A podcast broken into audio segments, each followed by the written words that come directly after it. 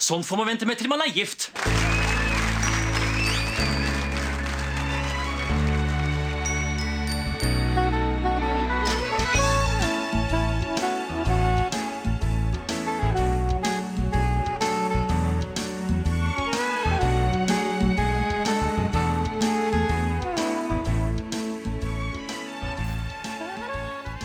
Hallo og velkommen til en ny episode av Norsk film filmpodkast, hvor vi ser norsk film med et kritisk, men kjærlig blikk.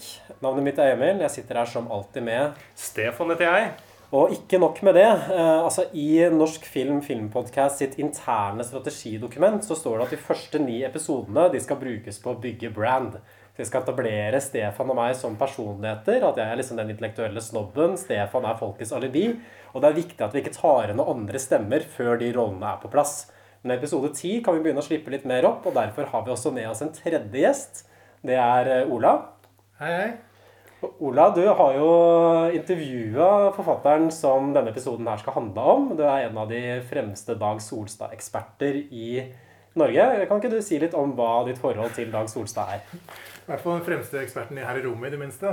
Nei, jeg har jo lest det meste av Dag Solstad, med unntak av eh, eh, 'Kamerat Stalin', som er et han har tror jeg. Og eh, 'Medaljens forside', som er eh, en historisk roman skrevet på oppdrag på Aker, eh, tror jeg, en gang. Og Oi. så har jeg lest nesten alt som er og kan krype og gå, tror jeg, av Dag Solstad. Romaner, i hvert fall. Og så har jeg møtt han en gang. Intervjua han for Under dusken, som er student, studentavisa her i Trondheim. Nei, men Du har jo intervjua han for større publikasjoner også. Har jeg det? Ah, Ja, er er ikke, noe studentavis her i gården. Han er en ydmyk type, Ja, Ola. Ola, ja. Men vi skal nok få klart å lurt ut prestasjonene hans underveis. Ja. Men siden vi nevner eh, Dag Solstad, så er det kanskje ingen tvil om hvilken film vi i dag skal snakke om. Det er Hans Petters Moland-film fra 2006, nemlig 'Gymnaslærer Pedersen'. Jeg tror at eh, Vi må ta den måten du underviser i historie på, litt opp til vurdering. Hvis alle bare skyver pulta inntil veggen og lager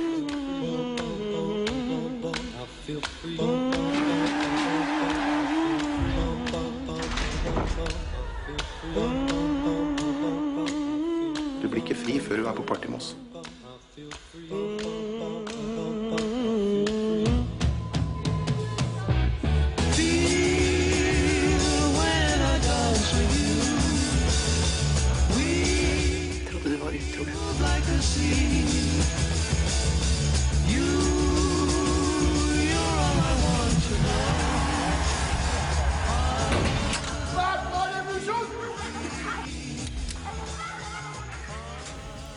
Og dette er jo en, eh, dette er jo en klassiker. Hans Petter Moland er jo Vi kan jo presentere Hans Petter Moland, for det er jo en av de liksom, store sånn, håndverkerne i norsk film. Han laget uh, 'Sekondløytnanten', 'Kraftidioten', Uh, 'En ganske snill mann' uh, Stellan Skarsgård. Altså liksom gode, solide filmer som liksom har en, uh, som har en gjenklang hos folket. Ofte med et lite snev av humor. Mm. Så gjenstår det å se om uh, gymnaslærer Pedersen faller i den kategorien. Altså, Ola, du og jeg så den filmen her tidligere i dag. Eh, hva var ditt forhold til gymnaslærer Pedersen sånn fra før av? Uh, nei, jeg syns det er en god roman, for det første. Det er ikke Dag Solstads beste. Uh, men jeg har alltid liksom likt den godt, og liker godt den tonen han har i den boka. Uh, Ja, måten jeg skrev på. Så, så kan du gi et litt lite sånn plottoverblikk i filmen. Altså Gymnaslærer Pedersen det er på en eller annen måte Dag Solstads oppgjør med AKP-ML-tiden. Hans tid i Arbeidernes eh, kommunistparti marxist-leninisme, som er vel det AKP-ML står for. Ja. Får bare korrigere meg hvis jeg tar feil, eh, Ola. Og eh, filmen åpner på et tog, som er vel Dag Solstads liksom klassiske location. Det er veldig mange av bøkene hans som åpner på et tog, som regel på vei til en eller annen by, sånn i Vestfold et sted. Eller ofte innlandsbyer, min venn. Larvik i denne, dette tilfellet, da. Ja. Skal til Larvik, og vi møter Kristoffer Joner, som spiller hovedrollen som den titulære gymnaslærer Pedersen. Hva er titulær for noe, Emil? At det er eh, den hovedpersonen som er i tittelen på filmen. Altså, Ja. Filmen heter 'Gymnaslærer Pedersen', og gymnaslærer Pedersen blir da den titulære hovedpersonen. Ah, godt sagt. Takk. Eh, han står og røyker ved vinduet. Han ser et eh, rødt skjørt flagre i vinden, som er vel kanskje et lite frampek. Det er kommunismens flagg som drar ham inn. Han drar opp vinduet for å avdekke strømpeholderen og underbuksa til denne kvinnen. Så han er en liten skjørtejeger. Gunnar gymnaslærer Pedersen. Etablert helt fra start. hofteholdere er jo liksom Det er jo flott eh, et moteplagg, jeg må jo si det. Du koser deg jo ekstra når du eh, får en sånn start på en film. Men hva er vitsen med denne introen her? det skjønner ikke jeg helt. Du etablerer jo litt det der, eh, at det er en slags litt sånn usikker kåtsekk, Ja. han gymnaslærer Pedersen. da. Eh, og så er det dette med det røde flagget, for etterpå så får du jo tittelsekvensen hvor liksom dette skjørtet flyr ut av vinduet.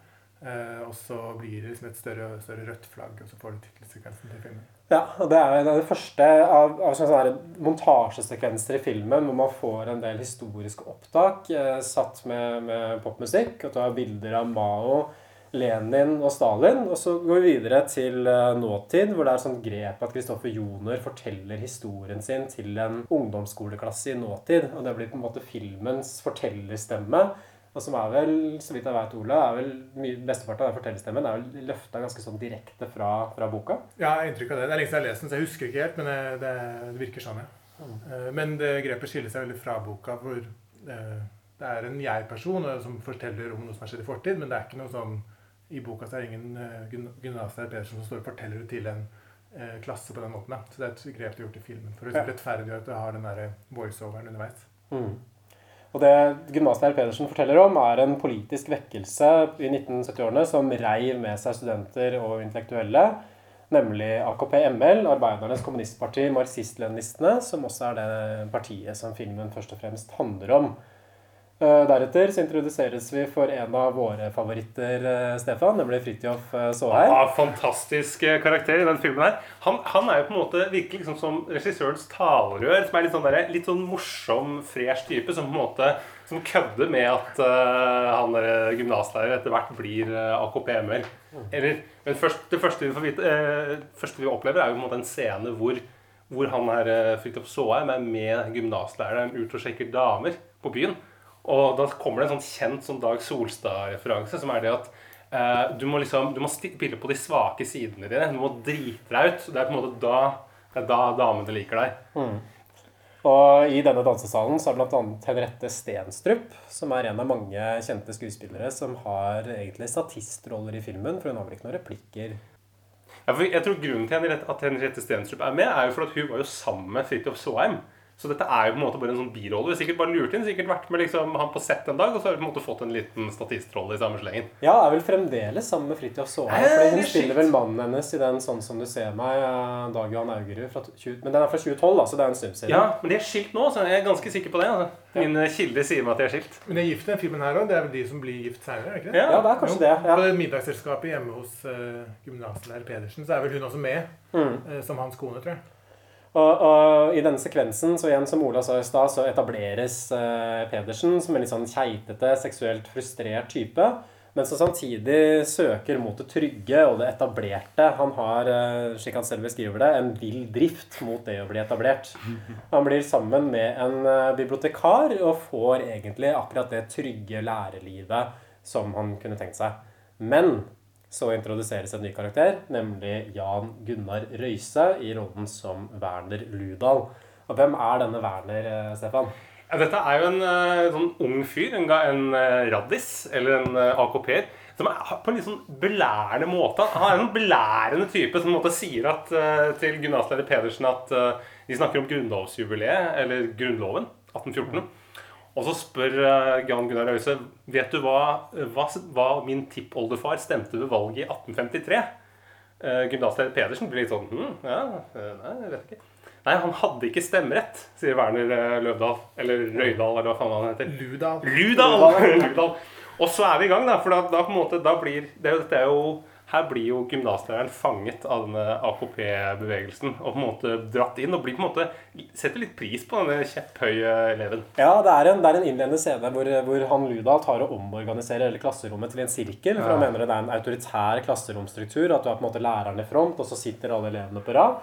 Og så synger de en sånn russisk folkesang som etter hvert går over til en innspilling av Det røde armékoret. Eh, Vi sitter liksom sånn på geledd. Veldig sånn militært. Og du står liksom der oppe, og vi sitter her nede. Jeg tror vi kan ha så mye mye mer glede av deg. Jeg kan bare vise deg en ting som jeg har tenkt. Nå må du bare si nei hvis det uh, blir altfor mye her nå. Ja, ja. Hvis alle bare skyver pulta inn til veggen og lager Hvis vi lager sånn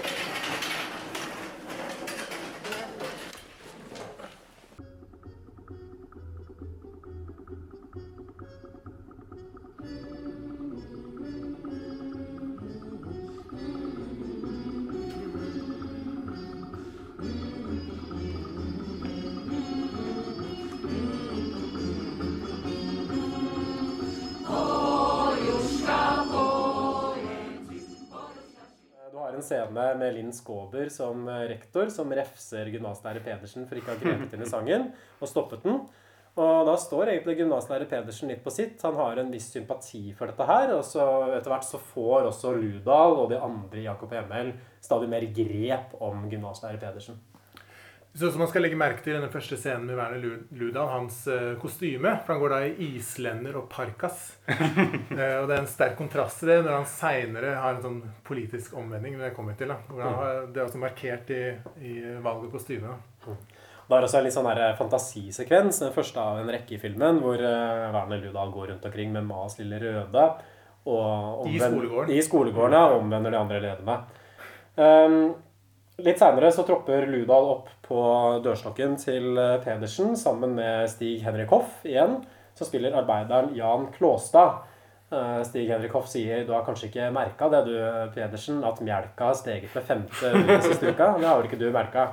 Og stiller ham litt sånn til veggs. Det som kommer nå, så må du velge hvem er det du ønsker å tjene. Du er i en småborgerlig stilling.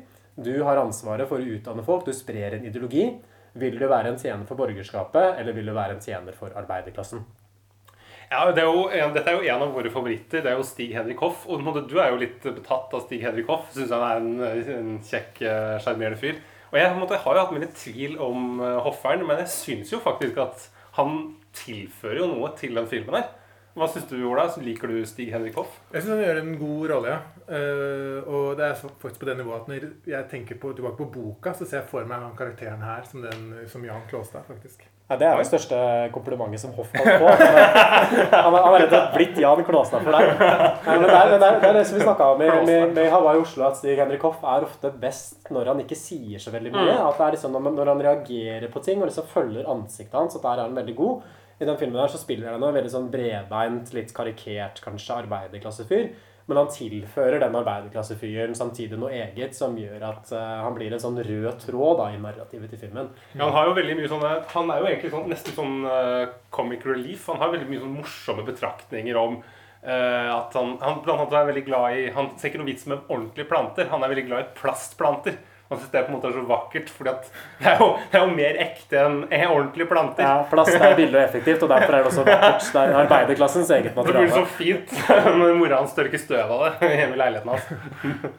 Men her, eh, etter denne scenen i oppgangen hvor Kristoffer Joner kjøper Klassekampen, så er han egentlig solgt. At han blir snart med i AKP ML. Og så, Da kan vi kanskje ta litt for oss et spørsmål som filmen ikke egentlig går inn i, nemlig hva er egentlig marxisme-leninisme? Hva er denne ideologien som man trekkes mot? Nå har jo dere to kommunister sikkert liksom noe å fortelle om og Ja. si om dette her. Ola, kanskje du har lyst til å si litt om hva marxist-leninismen eh, er? Nei, det er jo en ideologi som er basert på eh, maoismen da, i, eh, i Kina først og fremst. Som man, hvor de liksom støtter Sovjetunionen fram til Stalins død. Og så eh, mener man at det er Kina som liksom tar over eh, fakkelen etter det. da. Mm. Eh, Da skulle man bl.a.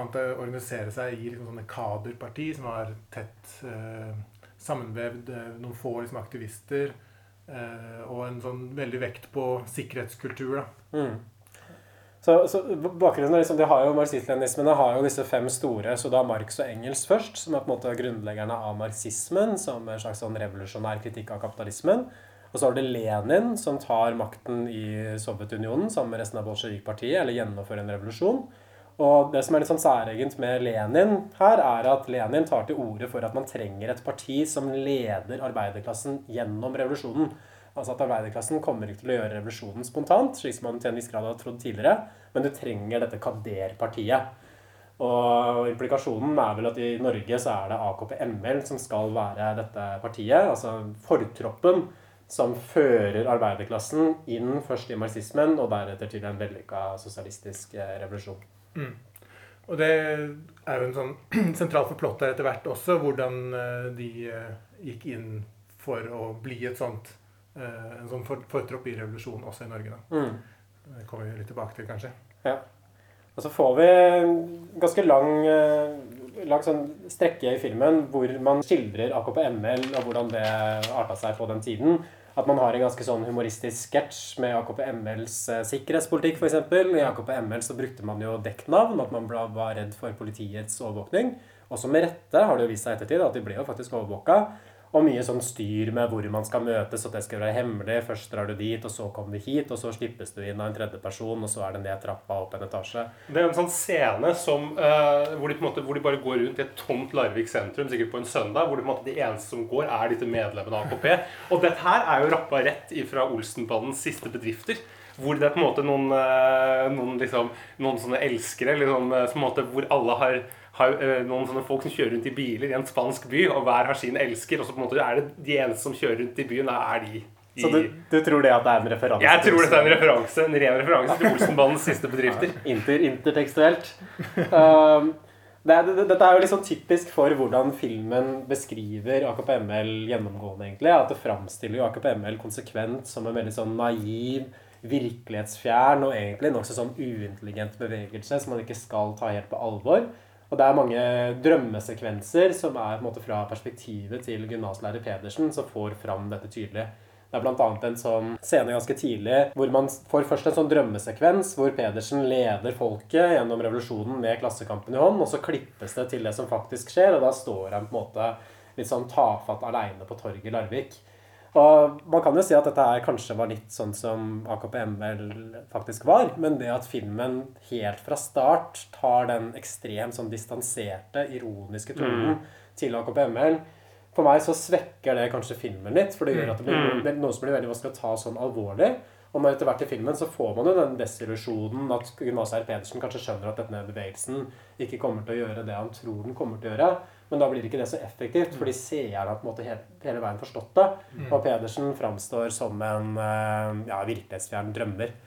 Vet ikke hva dere tenkte. Sånn, hvordan syns dere portrettet var av AKP-ML i filmene? Nei, altså, jeg syns jo Jeg er jo enig. Jeg syns det blir for ironisk. Og så eh, kan du tenke på en måte at det var jo en bevegelse som på en måte De var jo blodseriøse, liksom. Og det, på en måte, det er jo ikke noe, det var jo ikke noe de, de, Mange var jo liksom for væpna revolusjon og sånn. Så på en måte det å liksom Den ironiske distansen gjør jo Det er jo med på å svekke filmen. Jeg syns ikke det styrker den, iallfall. Ja, og en annen ting er jo det at det blir rett og slett litt vanskelig å forstå hvorfor disse personene i det hele tatt gidder å, eller har valgt å bli med. da. Man får liksom ikke helt den forståelsen for hvorfor de egentlig har blitt uh, maoister. Ja, hvorfor blir man overbevist av AKP-ML? Hvorfor trekker, trekkes man inn i utgangspunktet? Er det bare for at man er liksom sånn en raring som er litt sånn skrudd i hodet, eller som har noen rare ideer, sånn som filmen framstilles som? Eller var det noe som reelt sett faktisk dreiv folk inn i AKP-ML? For det skal jo nevnes at AKP-ML var jo det største maoistiske partiet i Europa. Og hadde en periode ganske godt grep om den norske politikken. Aldri på en sånn måte at de faktisk var i nærheten av å få makt, men i hvert fall at det var en tydelig stemme. Og hvis man ser på mange av de figurene som var sentrale i AKP-en, som deriblant Dag Solstad, men også Sigurd Allern, Pål Steigan, så er jo dette folk som har gått videre til å ha ganske prominente posisjoner i den norske offentligheten. Så helt korka kunne det ikke ha vært Nei. heller ikke da. Det må jo ha vært et eller annet dette som de tok seriøst. Og det bryr på en måte ikke filmen seg med å skildre i det hele tatt. da. Vi får eh, en ny fantasisekvens rett etter dette her, fordi Werner Ludal, altså Jan Gunnar Røise, som først eh, forførte Pedersen inn i AKP-ML, han drar til Trondheim for å bli ingeniør. Men inn på det samme toget så kommer eh, Ane Dahl Torp, eller Nina Skatøy, som hun heter i filmen, som er filmens andre, andre hovedperson. Hvem er denne Nina, Ole? Det er altså en eh, legedatter. eller Hennes far er eh, professor i medisin. Og så har hun selv blitt eh, eh, lege. Og kommer til Larvik eh, fortsatt som lege, da. Og ankommer på toget, som plutselig blir et sånt damplokomotiv. Og det er pryda med røde flagg, og hun blir tatt imot av en overlykkelig folkemengde ikledd Mao-drakter. Og hun selv har en sånn der Mao-drakt. Og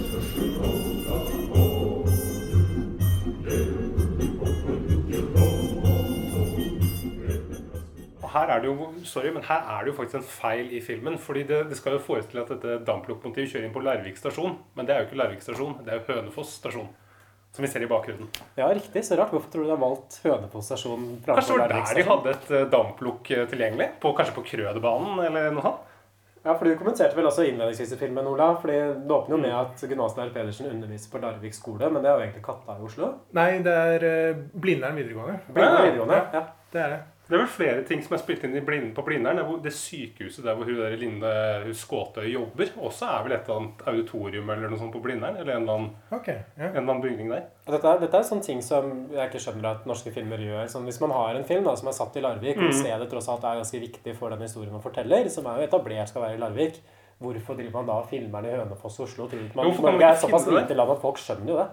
Ja, for det, er det, Man kan vel finne noe i Larvik som eh, gjør like så god nytte som eh, Hønefoss stasjon eller eh, bygning på Blindern. Ja, som kunne passa seg. Ja. Ja, det syns jeg man skal være litt obs på. Og, um, og jeg skal si, Larvik er jo, det er jo, en, det er jo en nitrist by. Vi ser jo på en måte, Det er jo en av Norges styggeste byer når vi på en måte går rundt der. i alle de bakkene og Så jeg syns jo det, er liksom, det er ikke mye fint å se der. altså. Jeg, jeg syns egentlig Larvik er ganske fint. Men jeg skal jo ikke legge meg ut med selve sentrumskontrolløren, så du har jo fasiten på dette her. eh.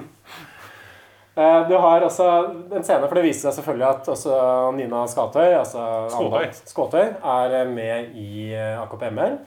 Og den første scenen hvor vi introduserer henne sånn i konteksten av partiet, er en scene hvor de har et sånt rituale med, med selvkritikk. Altså I den maoistiske bevegelsen så var dette her med selvkritikk ganske viktig. At man skulle ha en slags sånn renselsesprosess, nesten som en kristen uh, syndebekjennelse. Man skulle stå og liksom ytre sine egne borgerlige tanker, sine egne kontrarevolusjonære tanker. Det er nok en svakhet, men ikke en utprega borgerlig svakhet. Jeg tror at også arbeiderklassen frykter revolusjonens blodige konsekvenser. Arbeiderklassen har ikke annet å miste enn lenka sine. Vi tenker ikke sånne tanker. Den der angsten du snakker om, det er noe som borgerskapet har prøvd å pode inn i oss i generasjoner. Angsten for revolusjon er en naturlig angst. Altså, Ethvert fornuftig menneske frykter en væpna revolusjon. Men eh, selv om denne angsten er eh, naturlig, så kan den virke hemmende på det politiske arbeidet. Derfor så var det min plikt å si fra om den. I denne verden er ingenting umulig. Bare mennesket våger. Nei, da hun eh, sier at hun frykter revolusjonen, eh, og så blir hun konfrontert av han der eh, Klåstad det heter, om at eh, dette er en sånn borgerlig frykt. Hun kontrer med at nei, hun mener at selv arbeiderklassen frykter egentlig revolusjonen, for det kommer til å bli voldelig, det kommer til å bli fælt. Eh, og det blir liksom litt latterliggjort av han Klåstad. Og så prøver eh, eh, Pedersen å spørre om eh, hva, hva, hva hun syns om Stalin.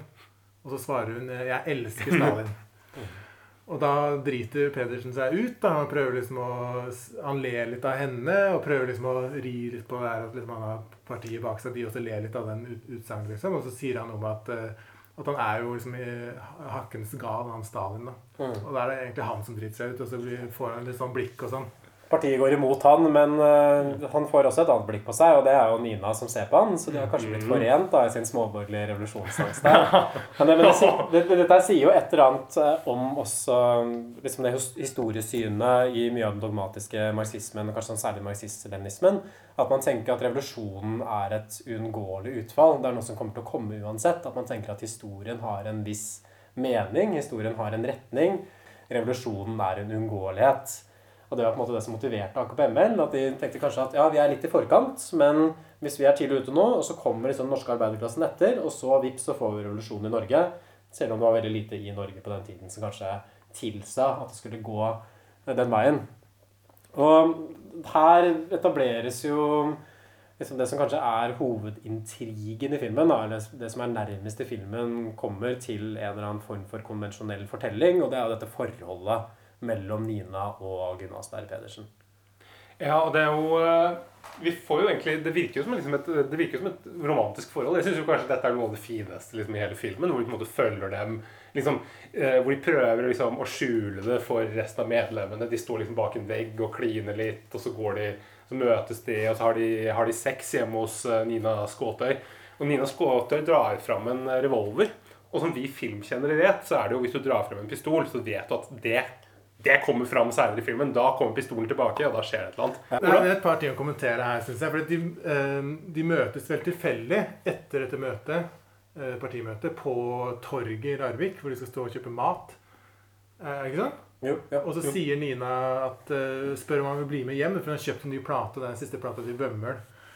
Og så kommer hun hjem og setter på den, og så har de sex mens vi hører uh, Bømmøl spille da, over anlegget. Det er også en sånn, eh, sånn parodisk grep i filmen, tenker jeg. Eh, men det er en annen ting som er litt sånn bisart eh, her, syns jeg, er hennes leilighet. Ser ut som et kontor med de der glassveggene med sånn, som er foliert og sånn. Eh, Veldig, det et veldig spesielt grep. Ja, det- Enda en sånn location-problem i den filmen. Ja, det, det har til og med en sånn der, Hun har en sånn såpedispenser eller sånn papirdispenser på Ja. veggen, sånn som man har på toaletter på Men det arbeidsplasser. fins jo folk som kjøper Torky og har det hjemme. Jeg har sett det i masse sånn studentkollektiv og sånn. Men jeg er enig, det, jeg kjøper jo Jeg kunne lett hatt det i min Her i studio så kunne jeg hatt det. Jeg, jeg som liksom arkitekturmann jeg vet jo det at eh, det er vanlig med sånne glassfelt og sånn over vinduene. Det liksom gjorde du over dørene. Det gjorde du på 70-tallet. Men ikke sånne hele glassvegger. For jeg, jeg, jeg, Da jeg så den første gang, så trodde jeg jo at det var, et lege, at det var legekontoret hennes. Ja. Så det er helt merkelig. Ja, men det, det kan det ikke være, for det henger jo også sånne Nei. kulturrevolusjonsplakater overalt. Det kan du ikke ha på legekontoret ditt. Nei. Ikke hvis du er bare legekontor bare. Eller du kan jo være bedriftslege. Ja, det, det, det er en scene, scene i filmen også senere hvor de er på legekontoret hennes, så man får inntrykk av at det er en annen location da, enn der hvor han har vært. Så det, er, det er en veldig rar leilighet. Men det, det, det kommer jo kanskje en, fram med sånn forskjell mellom dem, fordi gymnaslærer Pedersen bor jo fremdeles i en ganske sånn besteborgerlig leilighet. Alt er veldig sånn pent møblert. ikke sant? Designmøbler. Bokhylle, bibliotekar, kone som ligger på sofaen og leser eh, Celine og Thomas Mann. Mens eh, Anna Torp hun bor liksom i en mye mer sånn bohemsk type Kanskje omgivelser. det er det? At det er bohemsk leilighet med sånne glassvegger? At vi tenker, Jeg ville jo tenkt en gammel bygårdsleilighet, at det var litt mer bohemsk. da. Ikke Ja. en sånn strøken Det er jo ikke noe bedre måte å være nære arbeiderklassen på at man innreder leiligheten sin som en arbeidsplass. Ja. men, men ingen i arbeiderklassen som jobber et sånt sted. De må, da må du ha en fabrikk med masse symaskiner og greier. Og vi- ser også at Anna Torp har også en eh, pistol. Eh, Det er en veldig sånn teit scene her hvor Anna Torp liksom danser rundt med den pistolen, og så har de lagt noe sånn James Bond-musikk over. Ja, som, som en sånn, sånn tenåringsjente, egentlig. Hun skal jo være lege sånn i slutten av 20-åra. Men det er jo igjen kanskje noe med filmens karakterisering av AKP-ML som iboende sett en gjeng med umodne, virkelighetsfjerne folk. da.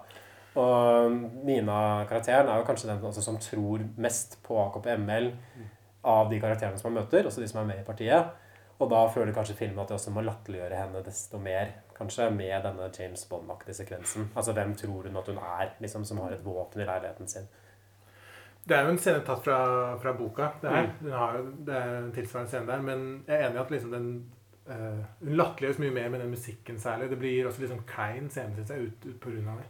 Ja, Uh, nå går vi også inn i et litt sånn innholdsløst uh, 20 minutter i filmen, kanskje, hvor eh, man egentlig bare skildrer litt sånn AKP-ML, og de blir introdusert for noen av de andre partimedlemmene, eh, Jon Øygården, som spiller et partimedlem, også Silje Torp. Kan jeg bare kommentere at Jon Øygården har da pullover og afro. En uslåelig stil. Det er litt sånn Ja, er litt fordi, men, men jeg tenker det er som at Øygarden er så god komisk skuespiller, men den karakteren hans er, er ikke noe komisk i det hele tatt. Så det, det er en veldig sånn streit karakter, så, og i hvert fall også at han ser såpass teit ut. Jeg tenkte hele tiden at det skulle komme et eller annet morsomt med han, men det skjedde aldri. Litt feilkasta, kanskje. Men det kan jo være at det har vært mer her som de har liksom bare klippa ut. At det måtte ikke ble plass til Jon Øygården i eh, filmen. Og det tviler jeg litt på, for filmen er jo også ekstremt treig, særlig mot slutten. Så det er mye fyllscener allerede. Så ja, jeg kunne, kunne kanskje kutta ut noe av det som er i filmen, og erstatta det med noe Jon Øigarden God Jon Øigarden-shit. Men ja, Det fortsett. er også den sekvensen her vi har det møtet hvor de diskuterer eh, porno på arbeidsplassen. Hvor er han der Jan Krogstad-karakteren Han mener at eh, mannlige arbeidere også blir nedverdiga av porno. Eh, fordi eh, de føler seg som skitne når de ser på det. Og særlig dette med å se på nakne damer med barbert uh, fitte, er det han sier. da. Mm. Er ikke det liksom anakronisme? Begynte man å barbere seg nedentil så tidlig som på starten av 70-tallet? Jeg trodde det kom senere. Men i, porno, i pornobladene så var det jo det. Så det er vel det som eh, Han, hadde ikke de full uh, busk der nede? Jeg, jeg tror det, jeg tror det var mer 80-tallsgreie. Jeg tror det. Jeg er ikke så bevandra i porno fra den perioden. Det er, sånn, er sånn vi burde gjort research på. Beklager, men jeg kan gjøre research til neste gang. Og så kan vi komme tilbake. komme tilbake til det da. Og det er, det er sånne, sånne her veldig sånn parodiske scener hvor Kristoffer Joner går rundt, og så forsøker han liksom å si arbeiderklassen sånn arbeiderklassen, barbert fitte, barbert fitte, med en sånn proletær sosiolekt. Eh, Det er mye fyll her som kunne, og syns jeg burde vært kutta. Og det neste sånn store vendepunktet i filmen dramatisk sett skjer vel på årsmøtet deres, hvor Anda Torp annonserer litt sånn abrupt at hun har hatt et forhold med Kristoffer Joner. Et småborgerlig utroskapsforhold, slik som hun beskriver det. Og mener at partiet burde gripe inn. Jeg har hatt et hemmelig forhold til en gift mannlig kamerat.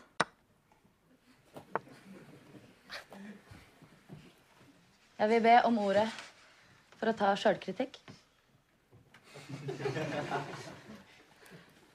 Mener du at vi skal bruke tid på å høre på det der i stedet for de viktige landsomfattende diskusjonene for hele partiet? Det er småborgerlige greiene for å ordne opp i sjøl. Jeg har hatt et dekadent forhold til kamerat Eivind. Et utroskapsforhold som har gått ut over en kvinne av folket. Eivinds kone. Dette har forekommet til ly av partiet. Derfor så blir jeg nødt til å spørre. Hva slags parti er det vi ønsker? Dette her er ikke noen privat sak. Det har med hele partiets være eller ikke være å gjøre. At dere mener det alvorlig når dere sier at dette partiet skal lede folket i kampen mot alt som holder det nede. Det jeg lurer på er sånn, Hva er motivasjonen til Anda Torp egentlig i den scenen? For jeg syns dette her kom veldig brått på. Altså I scenen før så har du den det, som var en av de mest sånn kjente scenene i filmen, hvor du har sex ute i skogen selv om det er midt på vinteren. Og hvor Kristoffer Joner klarer å få en uh, ereksjon selv om det egentlig er for kaldt. Som liksom henger liksom sammen med det Anda Torp ofte sier, at hvis menneskeheten bare reiser seg, så er hva som helst mulig. Man kan oppnå hva som helst. Og man får mye sånn blomster og sånn. Og så er det altså neste dag hvor denne selvkritikken, denne avsløringen, da helt brått kommer. Hva, hva tror dere? Hva, hva, hva ligger bak? Um, jeg tror det er den kommentaren som Kristoffer Joners karakter sier idet han får orgasme, hvor han sier at 'dette ville Mao likt'. Mm. Som er en sånn uh, nedverging av uh, uh, hele AKP-prosjektet. da. Mm. Og det, det, på en måte, det, det tipper over litt over for henne. Mm. hvor hun tenker at dette er ikke liksom anstendig lenger. Men det er samtidig, jeg er enig at det er litt sånn uklar motivasjon likevel. Det er liksom ikke en god nok grunn, tenker jeg. Men det kommer jo fram fordi når, vi, måte, når du bekjenner liksom at du har Foran dette årsmøtet at du liksom har vært sammen med han der Jon, Joner eller gymnaslærer Pedersen, så sier jo at du har bedratt en kvinne av folket. Som det er kona til denne gymnaslærer Pedersen. Det er ikke at hun er bibliotekar, så hun er jo arbeiderklasse. Mm. Mm. Ja. Så at måte, kanskje det er det som uh, At måte både at han latterliggjør det, men også på en måte at hun på en måte føler at ja, faktisk jeg har bedratt en kvinne av folket. Jeg er bibliotekar i arbeiderklasse. De har jo en, det er jo bachelorgrad i uh... ja, det, det, De selger jo arbeidskraften sin for lønn, så da er man Ja, ok, jeg er jo inne på den uh, det, vi, vi, går ikke inn på det Nei, det, det, det, er det vi skal ta på puben etterpå. Det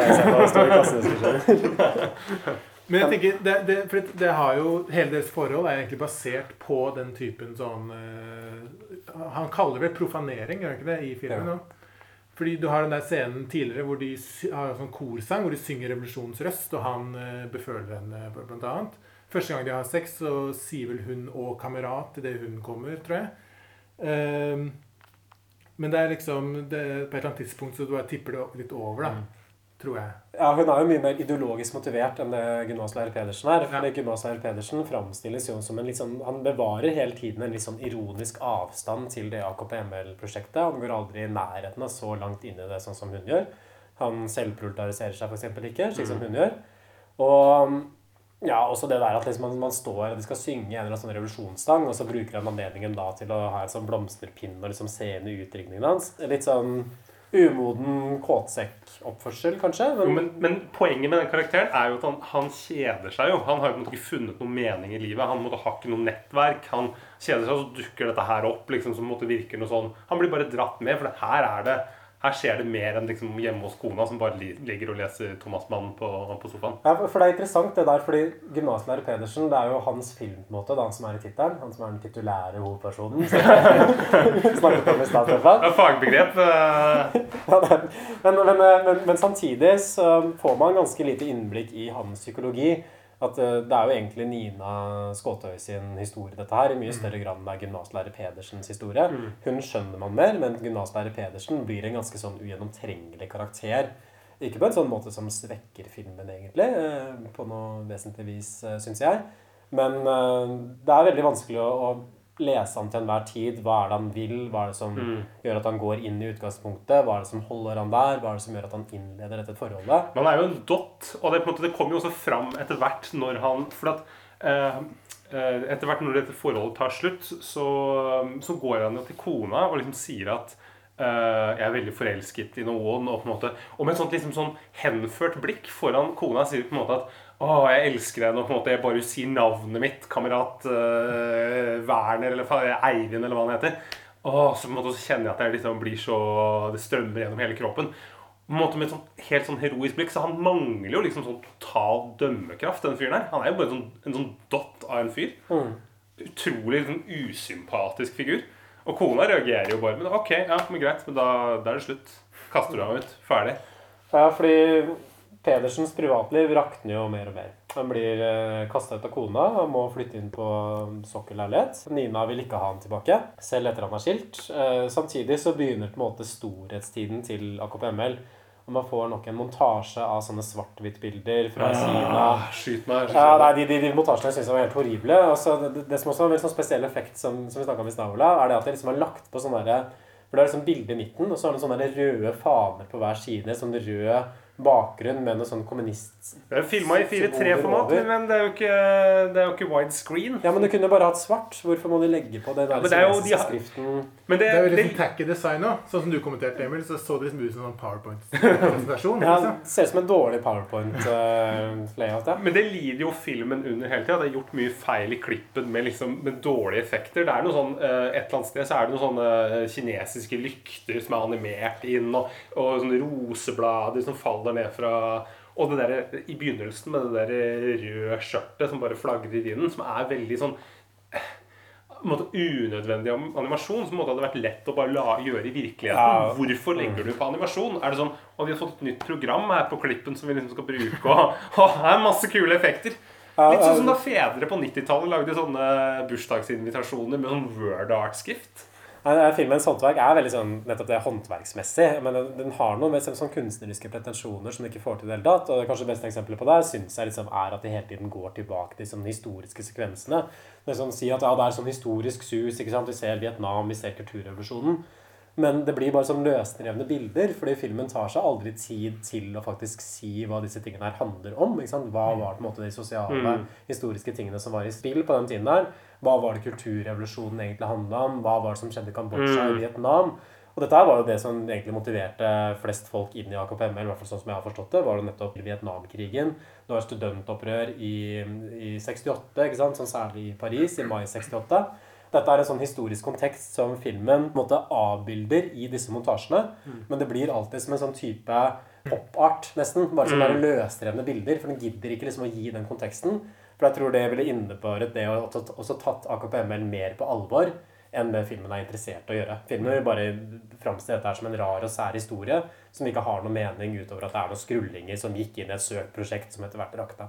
Det er en sånn rent estetisk, eller estetiserende sånn framstilling av det. på en måte. Ja. det, er, det er bare som en sånn eh, at, Som om folk bare ble revet med pga. disse bildene fra Kina, f.eks. Mm. Eller eh, Men at det ikke var noe seriøst eh, motivasjon. Men det er jo, men det er jo litt som en sånn Det er litt som eh, Rune Rudbergs musikkvideo 'Vinger over Europa' fra 1989, hvor det på en måte bare er smelt på sånn film av liksom folk som går under Brandenburger-tårer og Det er på en måte akkurat det samme. Det er null forklaring her. Er det, sånn, er det ikke Tor Endresen også som har det der Brandenburger tår Nei, Nei, det er, nei, nei, nei.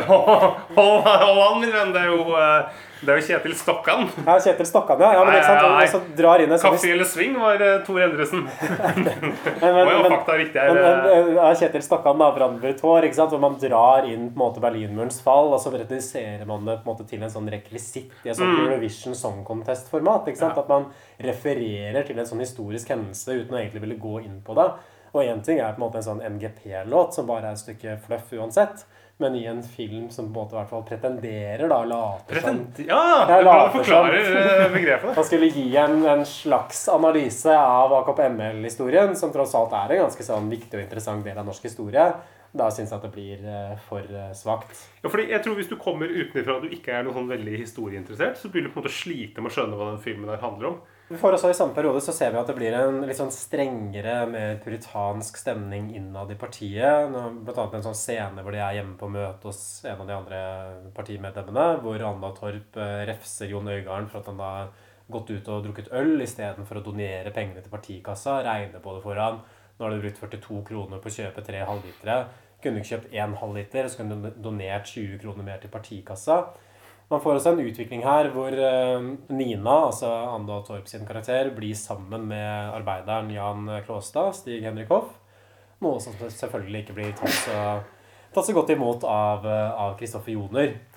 Og nå kommer vi til en av de tingene som eh, det har vært mest stuss om, om AKP-ML bare som et sånn generelt politisk fenomen, nemlig selvproletarisering.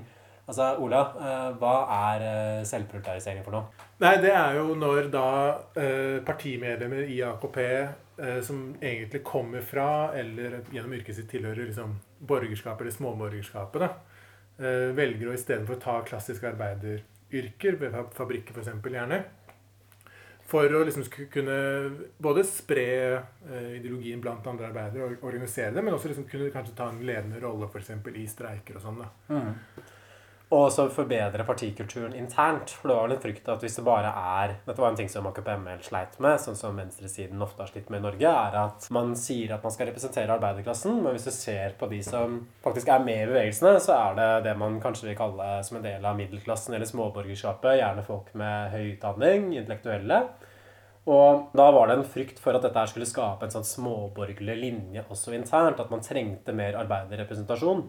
Og siden arbeiderne ikke så ut til å komme til AKP-ML med det første, så måtte AKP-ML-medlemmene bli arbeidere istedenfor. Det er litt sånn hvis fjellet ikke kommer til Mohammed, så kommer Mohammed til fjellet.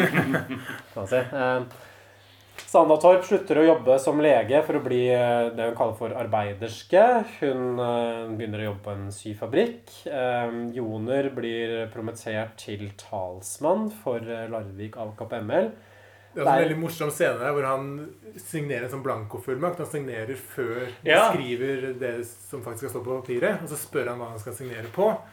Og det er eh, at han blir talsperson her for AKP-ML, Larvik. Eh, Men så kommer det fram senere, sånn som jeg tolker den scenen, fall, hvor det da blir trykt et, eh, enten et leserinnlegg i en annen avis, eller så er det Klassekampen. Hvor det er en tekst om den kommende verdenskrigen, hvor de ser for seg at det er Sovjetunionen som kommer til å okkupere Norge. Og så er den signert av eh, Knut Pedersen. Mm. blir han latterliggjort av sine kolleger. Og så, når jeg forstår den scenen, så er det sånn at han blir litt tatt på senga sjøl der og da. At han ikke egentlig er klar over at han har skrevet den teksten, egentlig. Ja, Fridtjof Saaheim gjør et sånt poeng ut av at måte står og leser opp den her foran hele lærerkollegiet. Sånn at de skal tortureres til de dør. Han holder på å le seg i hjel. Og det er også noen sånne scener hvor, hvor um, denne gymnasleder Pedersen skal forklare kommunismen liksom, for Fridtjof Saaheim. Og Fridtjof Soheim er liksom møkk full og står i gangen og lager sånn Væpna revolusjon! Det er jo kostelig. Jeg koser meg jo og jeg ler meg gløgg i hjel. Det, er- det er morsomt. Jeg kjente meg veldig igjen i det, for det er jo sånn som middagsgjestene mine pleier å Men det, det sier jo et eller annet om partiets linje også. fordi det er jo en sånn idé om at man representerer på en måte ikke primært seg sjøl, man representerer klassen. Og i klassen representerer også historien på en eller annen måte, for det er arbeiderklassen som driver historien videre. Så selv om det ikke er Knut Pedersen personlig som har skrevet dette innlegget, det blir på en måte litt sånn sekundært. Hvis det er det riktige ståstedet, så er det vel samme hvilket navn som faktisk står som uh, signatur. Og det er også et litt sånn viktig moment dette her i AKP-MLs ideologi, var denne ideen om at de hadde om at verden sto ovenfor en tredje verdenskrig som kom til å bryte ut når som helst. Og ideen deres var at Norge antageligvis, som i nær framtid, kom til å bli invadert av Sovjetunionen. Og at man derfor måtte forberede seg på en krigssituasjon. Så feil kan man ta.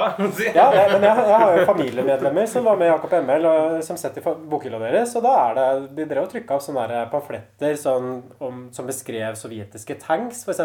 Slik avvæpner du en sovjetisk tanks når den kommer til Norge. Her er det svake punktet. Her er det kommer deg inn. Så dette var noe de satt og, og forberedte seg helt sånn aktivt på. Så det blir en litt sånn dommedagsstemning kan man si, over bevegelsen. Og det blir også en sånn tøff periode for, eh, for partiet. At Jan Gunnar Røise kommer tilbake igjen og gjennomfører en ganske sånn mislykka streik. Eh, Anda Torp forsøker å verve kollegaene på syfabrikken til bevegelsen. Lykkes ikke noe sånn særlig med det. Ja, så er det en komisk scene, for det er da hennes kollega som uttaler mens hun leser avisa uff, det er så mye fælt i verden, og så tolker hun det som en sånn Det her er en inngang til å liksom agitere for AKP sin linje, da. Det er- Og overbevise henne til å bli en revolusjonær arbeider. Det er en revolusjonær gnist, ja. Ja. Den minste liksom, flik av misnøye. Og så er- Det skal også nevnes at han Werner han, blir, han leder en streik, men det er fordi at han avbryter sine ingeniørstudier ved NTH og kommer hjem igjen til Larvik og blir arbeider ved mm, elverket eller noe sånt. Altså de, Under streiken så um, kutter de ved strømmen i hele Larvik, tror jeg. Og det er jo en ganske sånn fin scene hvor du på en måte ser at liksom eh, alle maskinene stopper på alle fabrikkene hvor disse sjølproletariserte folka jobber. Og alle sier yes.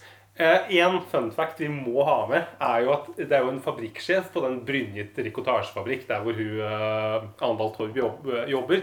Og det er jo han som er med i If-reklamene, og faren til eh, Linus i Svingen i julekalenderen, som har en sånn liten birolle som fabrikksjef der. Det er en fin eh, rolle, syns jeg. Dumt at han ikke får briljere. Ja! Det er han! Er det Marvin fra Ja, Marvin! Svingen? Det er Marvin! Yes, det Ja. fikk jeg ikke med meg. Ja, Det er jo en skikkelig fun fact. Pappaen til Sara hjelper folk om huset deres har brent. Arne? Naboen? Det er helt sant, altså. Han driver med sånne brente greier. De bare ringte ham. Hallo?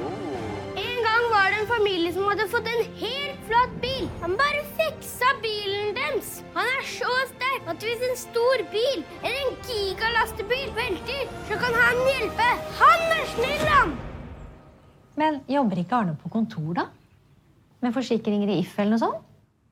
Jo da, Arne jobber med forsikringer eller noe sånt. Og sammen med resten av gjengen hos If hjelper han kundene våre med små og store problemer hver dag.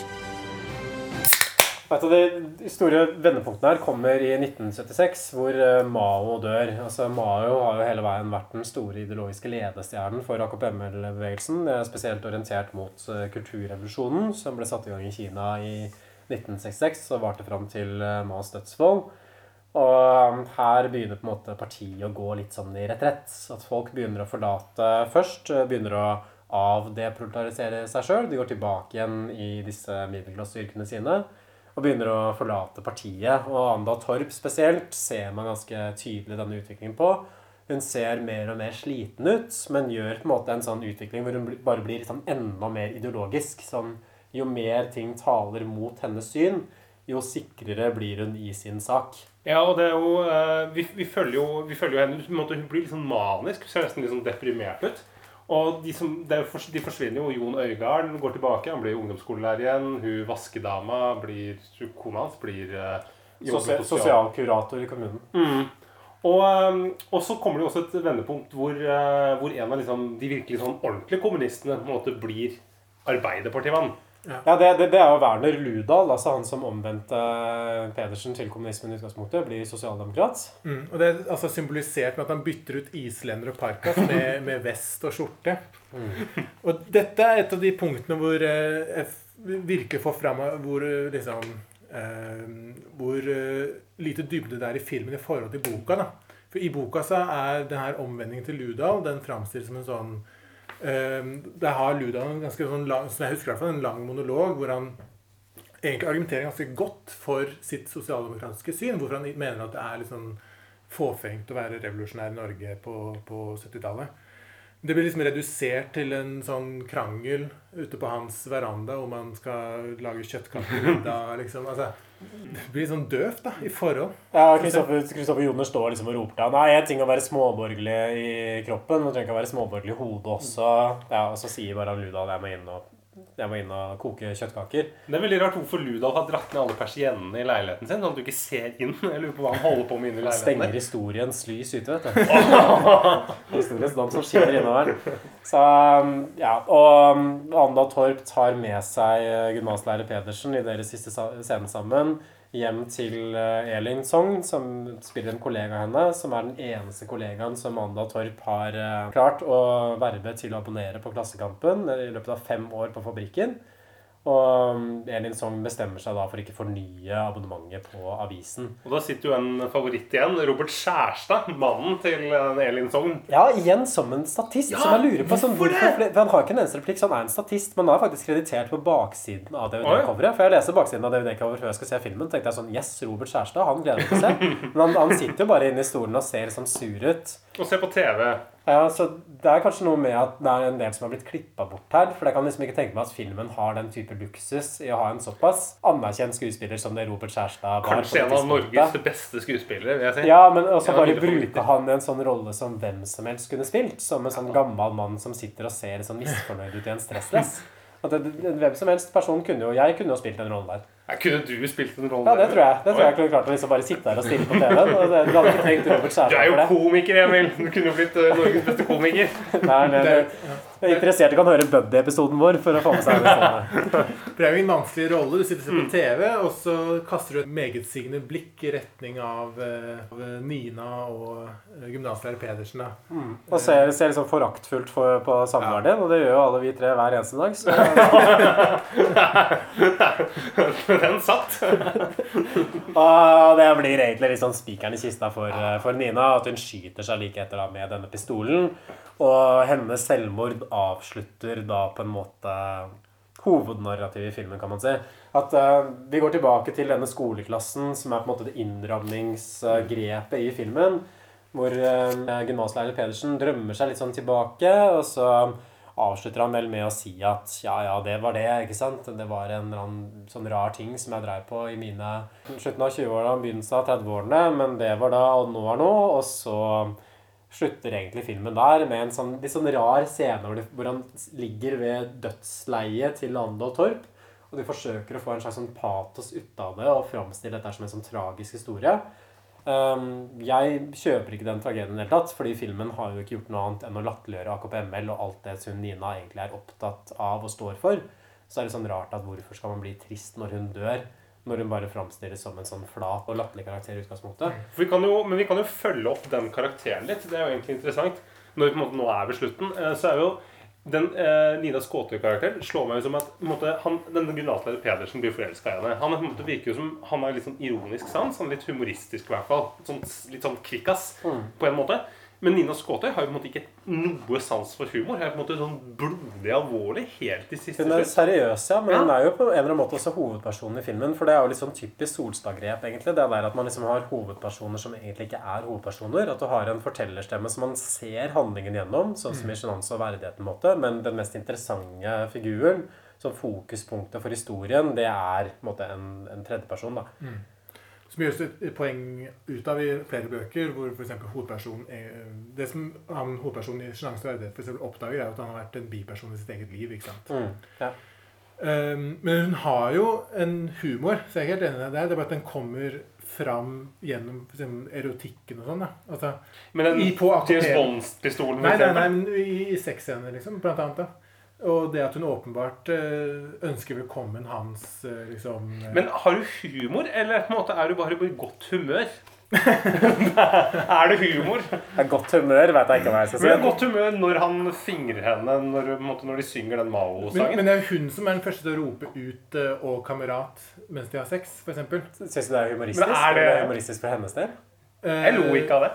Jeg sikkert jeg ler, jeg sier at det er et uttrykk for hennes sånn eh, for det der ironiske blikket. Altså, jeg tolker det som en ironisk uttalelse. Jeg tror ikke det er sånn det er seriøst at hun liksom omtaler ham som en partikamerat i den Ja, jeg tror omtalen. egentlig at det er filmen som, er, som ler på bekostning av henne. Jeg tror ikke det er hun så mye som Men det, det kommer liksom kanskje Nei, an på hvordan man ser det. og så tenker jeg men det kan jo, Vi kan jo tolke det på en annen måte. Da, på en måte at gymnaslærer Pedersen kanskje får fram den humoristiske siden som på en måte ligger lang, gjemt langt bak liksom alt Den muren av alvor.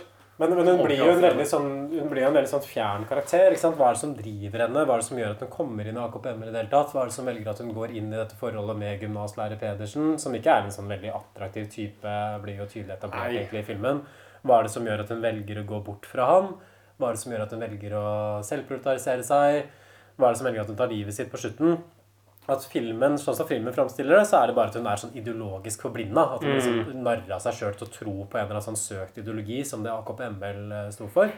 Men Det syns ikke jeg er en sånn helt sånn tilfredsstillende forklaring. For det må jo være et eller annet som ligger under, som får deg til å gå til denne ideologien i utgangspunktet. Men det igjen, så tror jeg, det er ikke et sånt tema som filmen er noe interessert å utforske. det tatt, ikke sant? Det bare er Ja, folk er rare, gitt. Folk kan tro merkelige ting. Tenk De gjorde folk- rare ting i gamle dager. På De var dumme da. 70-tallet 70-tallet spesielt. Og sånn ferdig med det. Og, og når filmen da mot slutten forsøker å framstille dette som en slags sånn tragisk historie, Mm. sånn der vakkert noe større enn seg sjøl, så um, faller det egentlig ganske flatt. Mm. Så det, det ble jo sånn en veldig sånn tam avslutning. Og jeg liksom tenker hva er det som er måte poenget med alt dette her? Hva er det man skal sitte igjen Mm. med sånn at man har sett denne filmen der? Fordi i boka så sitter man igjen med en hel del. Men filmen tar på en måte alt det som er meningsfylt, alt det som er interessant ved boka, bare suger det sånn rett ut, og så sitter man bare tilbake med en sånn pastisje. For det som, det som funker her, det som er bra, er jo på en måte en del av dialogen er fin. Men det er jo fordi det er Dag Solstad som har skrevet den. Men du har kanskje liksom nå kommet komme der, Ola? Jeg innrømme at jeg syns en del av dialogen ikke var At den falt litt flatt. Jeg, Mm. syns det var litt sånn uh, klein dialog Oi. ofte. Ja. Eh, Jeg syns den voiceoveren og sånn, den minner mest om boka. Det, det, Der flyter det ganske greit. da ser synes den Replikkene ble litt mer uh, Ja, Voiceover da, er antageligvis henta litt direkte fra boka. Altså, for det, det er litt sånn typisk for Dag Solstads sine bøker også, at det er ikke så veldig mye replikkvekslinger. Du har ofte en sånn fortellerstemme egentlig, som bare forteller mer hva Ja. som skjer. Og så, Mm. ja, Du har ikke sånn klassiske scener. Det er, det er litt sånn der ironisk på en måte, fordi Dag Solstad er jo en av liksom, Norges største forfattere, må man kunne si. Det kan du kanskje komme tilbake til liksom, hva som gjør han så god, og liksom, hva som kjennetegner hans forfatterskap sånn etter hvert. Men samtidig så er dette her den eneste boka som har blitt filmatisert. Mm. Så vidt jeg er klar i hvert fall. Og det kan jeg på en måte skjønne, for det er den mest sånn dramatiske boka hans, sånn rent sånn dramaturgisk, i hvert fall av de jeg har lest, som Ja, kanskje ja. egner seg best for å kunne filmatiseres. Men samtidig så er det kanskje litt sånn mot hans intensjon, fordi ja, ja, Dag Solstad er jo ikke med i AKP-ML lenger, men han forblir jo antikapitalist og kommunist, det er han veldig tydelig på. Da filmen går veldig sånn langt i å latterliggjøre ikke bare AKP-ML, men også kommunismen, og liksom troen på at et annet samfunn helt tatt er mulig. Mm. Så ja, jeg vet liksom ikke helt sånn hvor god filmatisering Mm. er dette her av Dag Solstad på en måte på hans premisser. da. Det kan kanskje du si litt mer om, uh, Ola? Nei, jeg er helt enig. Jeg føler at liksom, prosjektet her er mer å latterliggjøre uh, AKP og det prosjektet som da Dag Solstad også var med på, eh, enn å være en slags eh, tro gjenfortelling av hans eh, bok. da. Mm. Så det er jeg helt enig i. Nei, og det, det, det er en der, sånn sånn der end of history-stemning her. Altså, nå er historien egentlig ferdig. At nå er kalde krigen er over. Kapitalismen vant, det liberale demokratiet vant, og nå er det ikke noe spørsmål lenger om hva slags type samfunn vi skal ha. Historien er over. Nå har vi funnet svaret. Det er liberalt demokrati, og det er kapitalisme. Og det er ingen egentlig reelle sånn alternativer til det samfunnet som vi lever i. Dette her, det er her det kommer til å slutte. Og det, jeg leser filmen som en ganske sånn tydelig del av det kulturelle øyeblikket. At den ser liksom bakover i tid. Fra et sånt ståsted om at det er sånn helt selvfølgelig at det ikke skal ha noen sånn samfunnsselvelting i Norge. Helt selvfølgelig at det ikke skal ha noe sånn radikalt annet samfunn enn det vi gjør nå.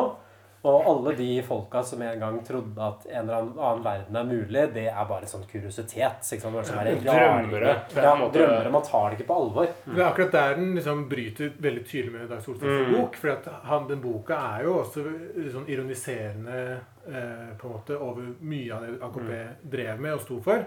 Men eh, det er, samtidig liksom tar AKP mye mer på alvor enn filmen gjør. Og den avslutter på en måte med at til tross for sant, eh, Ninas selvmord, til tross for at Bernt Ludahls egentlig ganske sånn god argumentasjon for en sosialdemokratisk politikk osv., så, videre, så tviholder eh, kriminalstudent Pedersen på denne overbevisninga. Og han øh, skriver noe om at liksom, det er øh, fortalt med en sånn indre jubel at han egentlig fortsatt tviholder på det og tror på det prosjektet fortsatt. da. Det er en vill jubel over å tenke seg det at det fins en annen virkelighet der ute. Det Ja, finnes en annen samfunnsform. Det fins en Ja. måte å unngå evig krig og, liksom, og Mm. miljøødeleggelser. Og det svaret ligger i kommunismen. Og det, og det er jo også sånn der, litt sånn nedlatende i hvordan filmen forholder seg til Kina. For du kan jo si hva du vil om Kina, men det var jo det er jo verdens mest folkerike land ikke sant? som blir grepet av den kommunistiske bevegelsen, som var et sånt radikalt demokratisk prosjekt. Det tror jeg man må kunne si uansett hvor man står.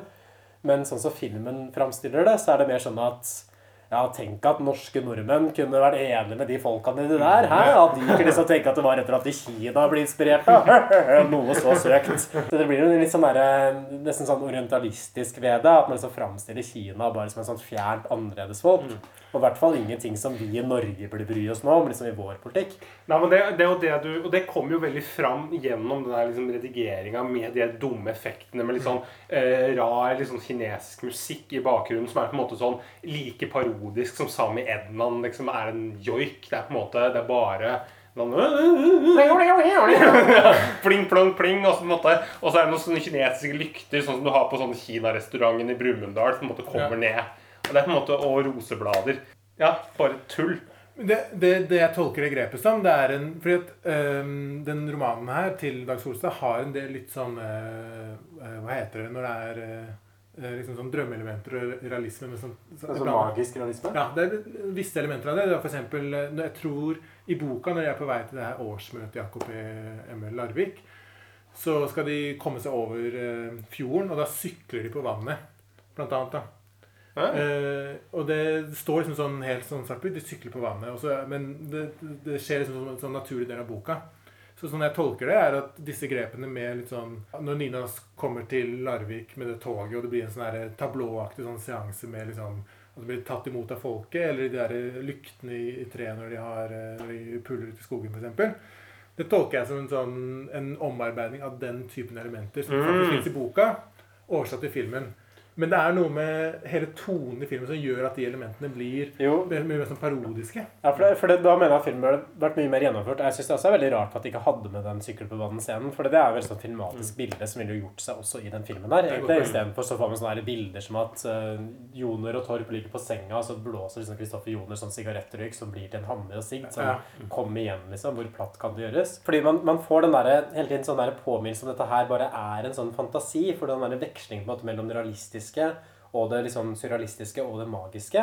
Og så er jo filmens blikk er jo sånn helt tydelig på det realistiske her. ikke sant? På liksom at dette her er bare drømmerier. ikke sant? Dette er bare fjerne Fantasier. Ja, Det er bare drøm og fantasier, rett og slett. Og det, det, det, og det gjør jo på en måte også at det ikke fungerer så veldig godt som, til og med som en narrativ film. fordi helt fra starten av så har man dette her distanserte forhold til karakterene som gjør at man kan på en måte ikke ta det på alvor. Ikke? Så man skjønner at dette kommer an til å gå. Og derfor så blir jo ikke filmen så veldig interessant heller som en historie. Og det kan jo, det er også et poeng du, på en måte, Jeg blir jo ikke på lag med de karakterene her. Jeg synes på en måte Gymnasleder Pedersen-karakteren er, måte- er jo fryktelig usympatisk uansett hvordan du ser det. Han er jo på en måte bare en glassmanet som bare flyter med, med strømmen. Det er på en måte, det er ingen vilje der. Det er på en måte så tafatt. Ja, og igjen da, hva, hva blir vitsen på en måte med historien som har blitt servert? ikke sant? Så Er det vitsen med å si noe om AKP-ML eller liksom, Maoisme i Norge? Det, det gjør filmen ikke i det hele tatt. Men et mer sånn interessant spørsmål, da, ikke sant? Sånn som, som igjen som filmen ikke går inn på, er jo liksom Hvorfor ble AKP-ML så stor i Norge? Ikke sant? Hvorfor fikk vi denne bevegelsen akkurat her? Skal dere noen sånne tanker om det? Ikke egentlig. Nei. ja, men det er jo ja. Nei, altså delvis så har, har det helt åpenbart å gjøre med at de faktisk også hadde liksom noen analyser som faktisk traff. da. De fikk jo, Du har den her streikesekvensen hvor han Werner Ludal blir en sånn leder av en, av en streik på elverket, f.eks. Og det er jo eh, sånn ganske realistisk. Det skjedde jo faktisk. Eh, og da to, tok jo eh, ML-ere ofte ansvar i disse streikene, f.eks. Eh, bare i kraft av det at de liksom eh, viste seg som, som gode, gode ledere og gode fagforeningsaktivister.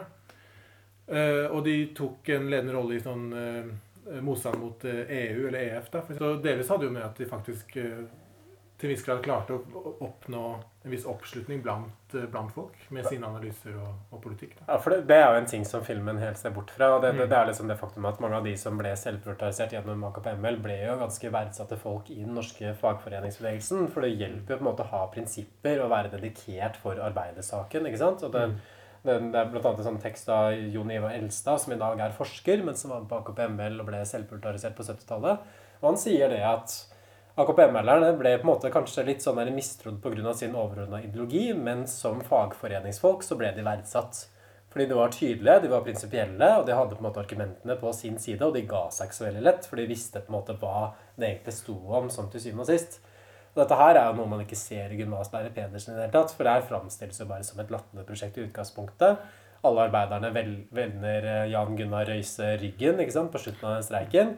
Og de går også bort fra Arendal Torp fordi det viser at hun ikke kjenner navnet på Märtha og Louise, eller hva det er. Liksom, Lille. Maud. Som kanskje er den svakeste begrunnelsen. Altså Mm. Den der Werner Lunddahl-greia kan jeg forstå. På en måte At streiken feiler og at man blir desillusjonert. på en måte, Det kan jeg forstå. Men Mm. den der eh, Nina, måten Nina blir isolert på, Ja, det synes jeg er litt veldig Det er et veldig sånn nedlatende portrett av den kvinnelige arbeiderklassen. Og de bryr Ja. seg bare om Se og Hør og kongehuset. ikke sant? Men Nina er jo ikke noe Men jeg, jeg, hvis jeg hadde fått Nina inn på min arbeidsplass Jeg syns ikke hun er noen hyggelig kollega. Hun måtte driver jo bare og gnåler. Hun er masete. Hun måtte skjønner jo ikke liksom sosial interaksjon i det hele tatt. Er det så mange scener hvor hun gnåler og maser? Ja, men det er jo på en måte bare det der, Du måtte merke at liksom Det er sånn som du er mot hun der Elin Sogner, Sogner, Sogner, hva hun heter òg. At måtte, hun bare prøver jo bare å pushe på klassekampen hele tiden. Nei, men det, det kan jo det godt være, men det, men det er jo sånn filmen har valgt å skrive den karakteren. ikke sant? Og de, de, de, bruker jo på en måte Ja, men Nina sånn som Skåtøy filmen har valgt å skrive et karakteren, så jo, er jo ikke det en du er renne med på jo men, jo, men filmen bruker jo henne som et eksempel på selvprioritering i praksis. ikke sant? Mm. Så bruker du på en måte henne som et eksempel for å fordømme selvprioritering i det hele tatt. Så sånn sett, ja, hun er en irriterende figur, sånn som filmen framstiller henne.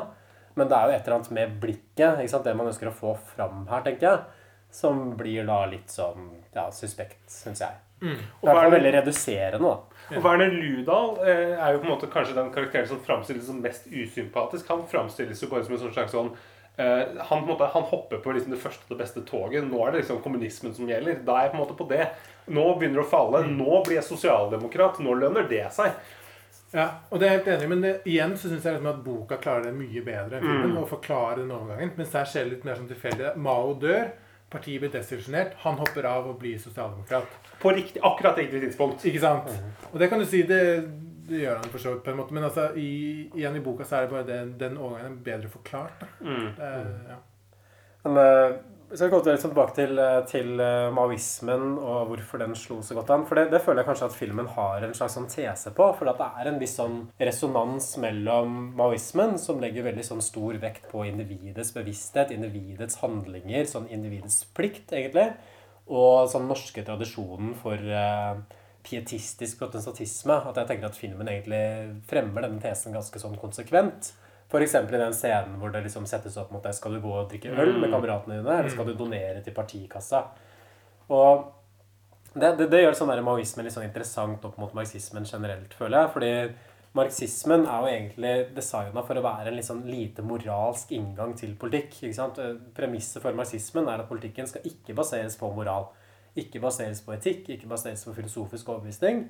Istedenfor så ser man på arbeiderklassens økonomiske interesser. At det er interessene til folk som skal drive fram et nytt samfunn. Jeg tror liksom AKPM og maoismen generelt fokuserte jo veldig mye på de mer sånn subjektive forholdene, på Mm. den vilja. At man kunne ville seg fram til kommunismen. Sånn selv i et sånt land som Norge, hvor det var ingenting som lå til rette for å få en revolusjon, bare hvor det var folk som ville det nok. Mm. Som bare dyrka partiet nok, som ofra seg nok for partiet, så kunne man få det til å skje selv om man hadde nesten hele befolkningen mot seg, Mm. fordi ville bli overbevist av kommunistenes viljestyrke.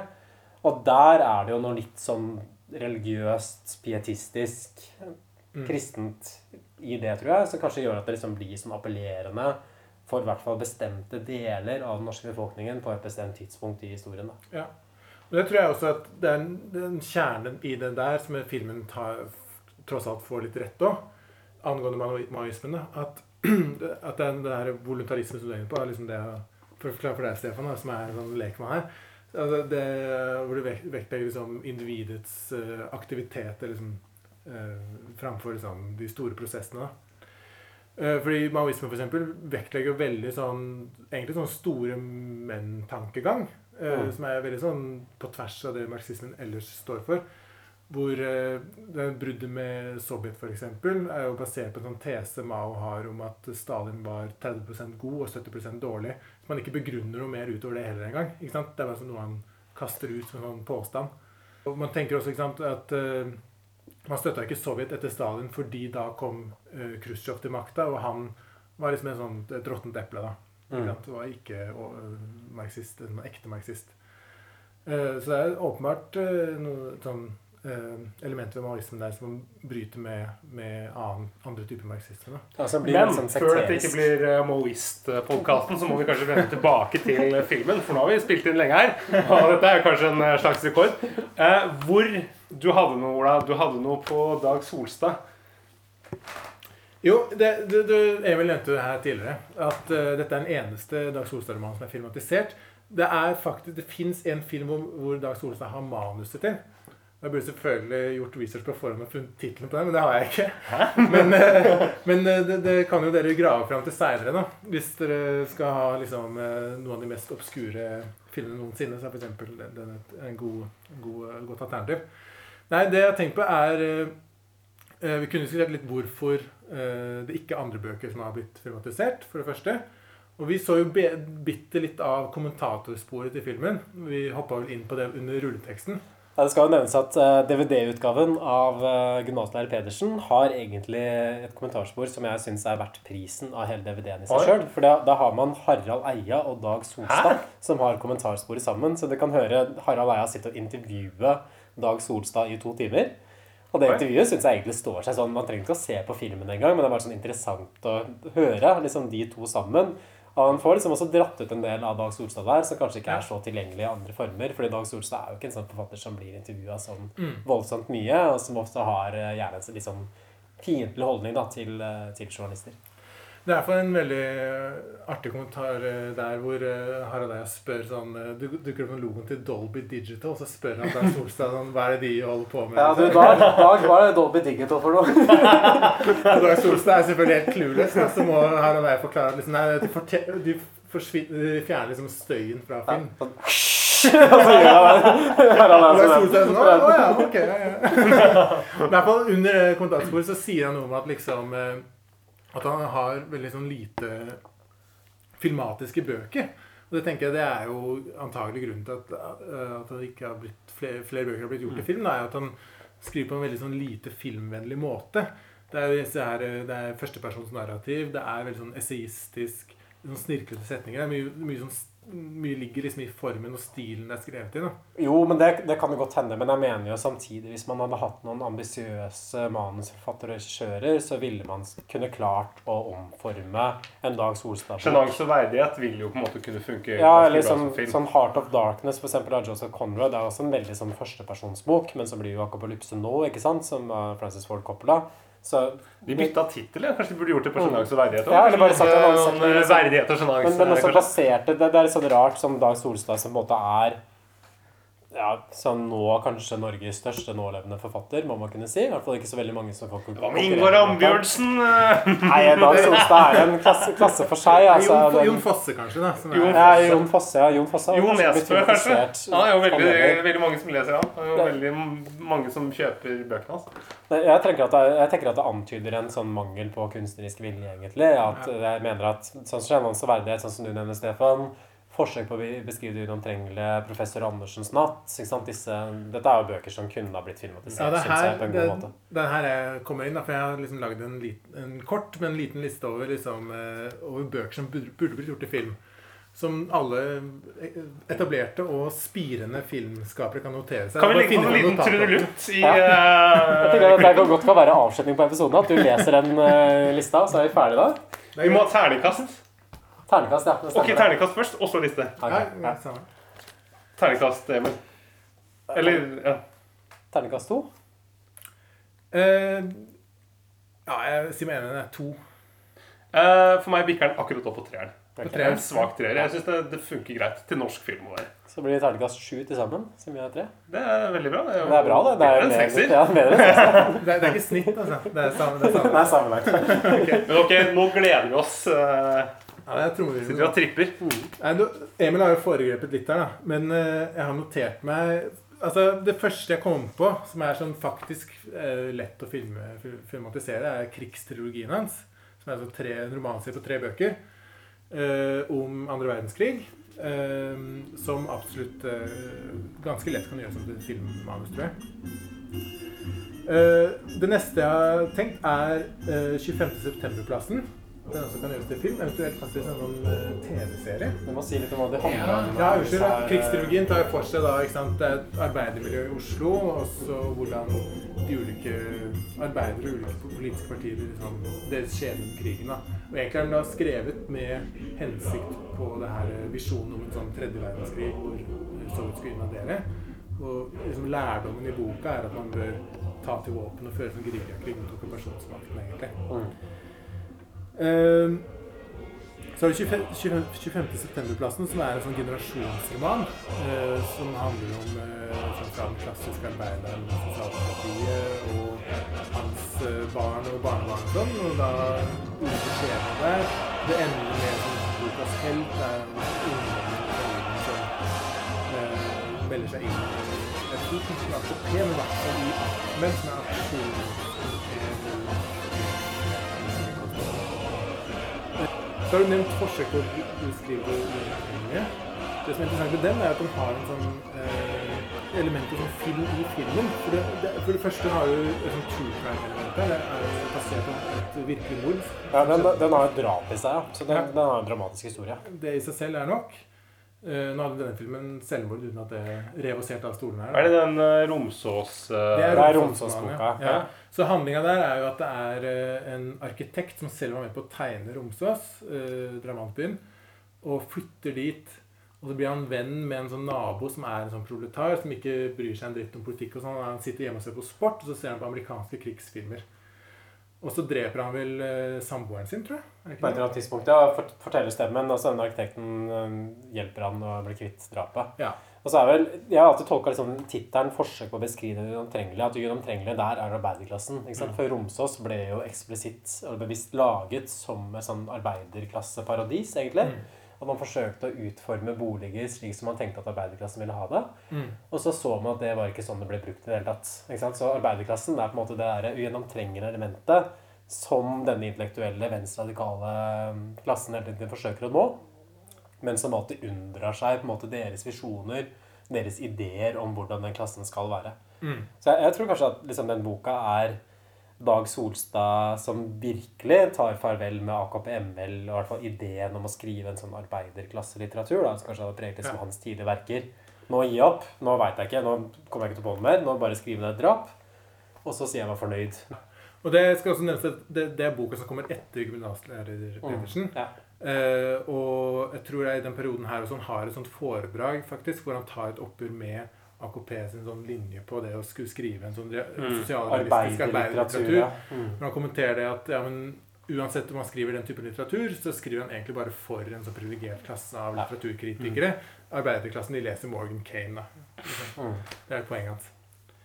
Så den, men den har liksom denne true crime-elementet, den har film i film-elementet. Så den tenker jeg også kunne være Der kan man fått gjort mye ut av det. Det kommer jo aldri til å bli filmatisert, tror jeg. Det er ingen Nei. av som kan filmatisere den. Men kanskje det, det, det, Moland? Kanskje vi kan gi den til Hans Petter Moland? Det er den som burde blitt filmatisert istedenfor Gunn Åsheim Pedersen. Ja. Men Men Moland hvem skjønte kunne, ikke det. hvem kunne tatt den jobben, da? Erik Poppe, kanskje? Erik Poppe Nei, jeg tenker Hva, hva heter han som Joakim Nokas Skjoldberg? Ja, Erik Skjoldberg. Erik Skjoldberg. Ja, det, det hadde vært perfekt. Litt sånn kald uh... Med Stig Henrik Hoff som han arbeideren, selvfølgelig. Som Ja, det kan samboeren funket ganske bra. Sånn. den kan jeg se på. Jeg holder en liten knapp, en uh, liten, uh, sånn liten drittknapp på Bent Hamer òg. Jeg tror på en måte han kunne gjort en grei jobb. Ja. Hvor, hvorfor ikke? Bent Hamer, kongen.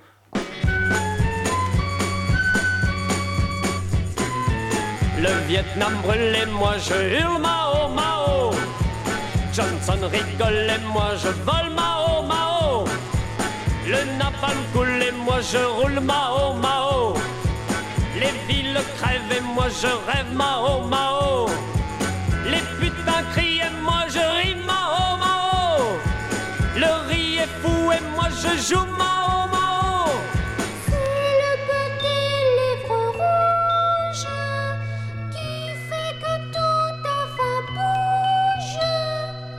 L'impérialisme dicte par tout sa loi.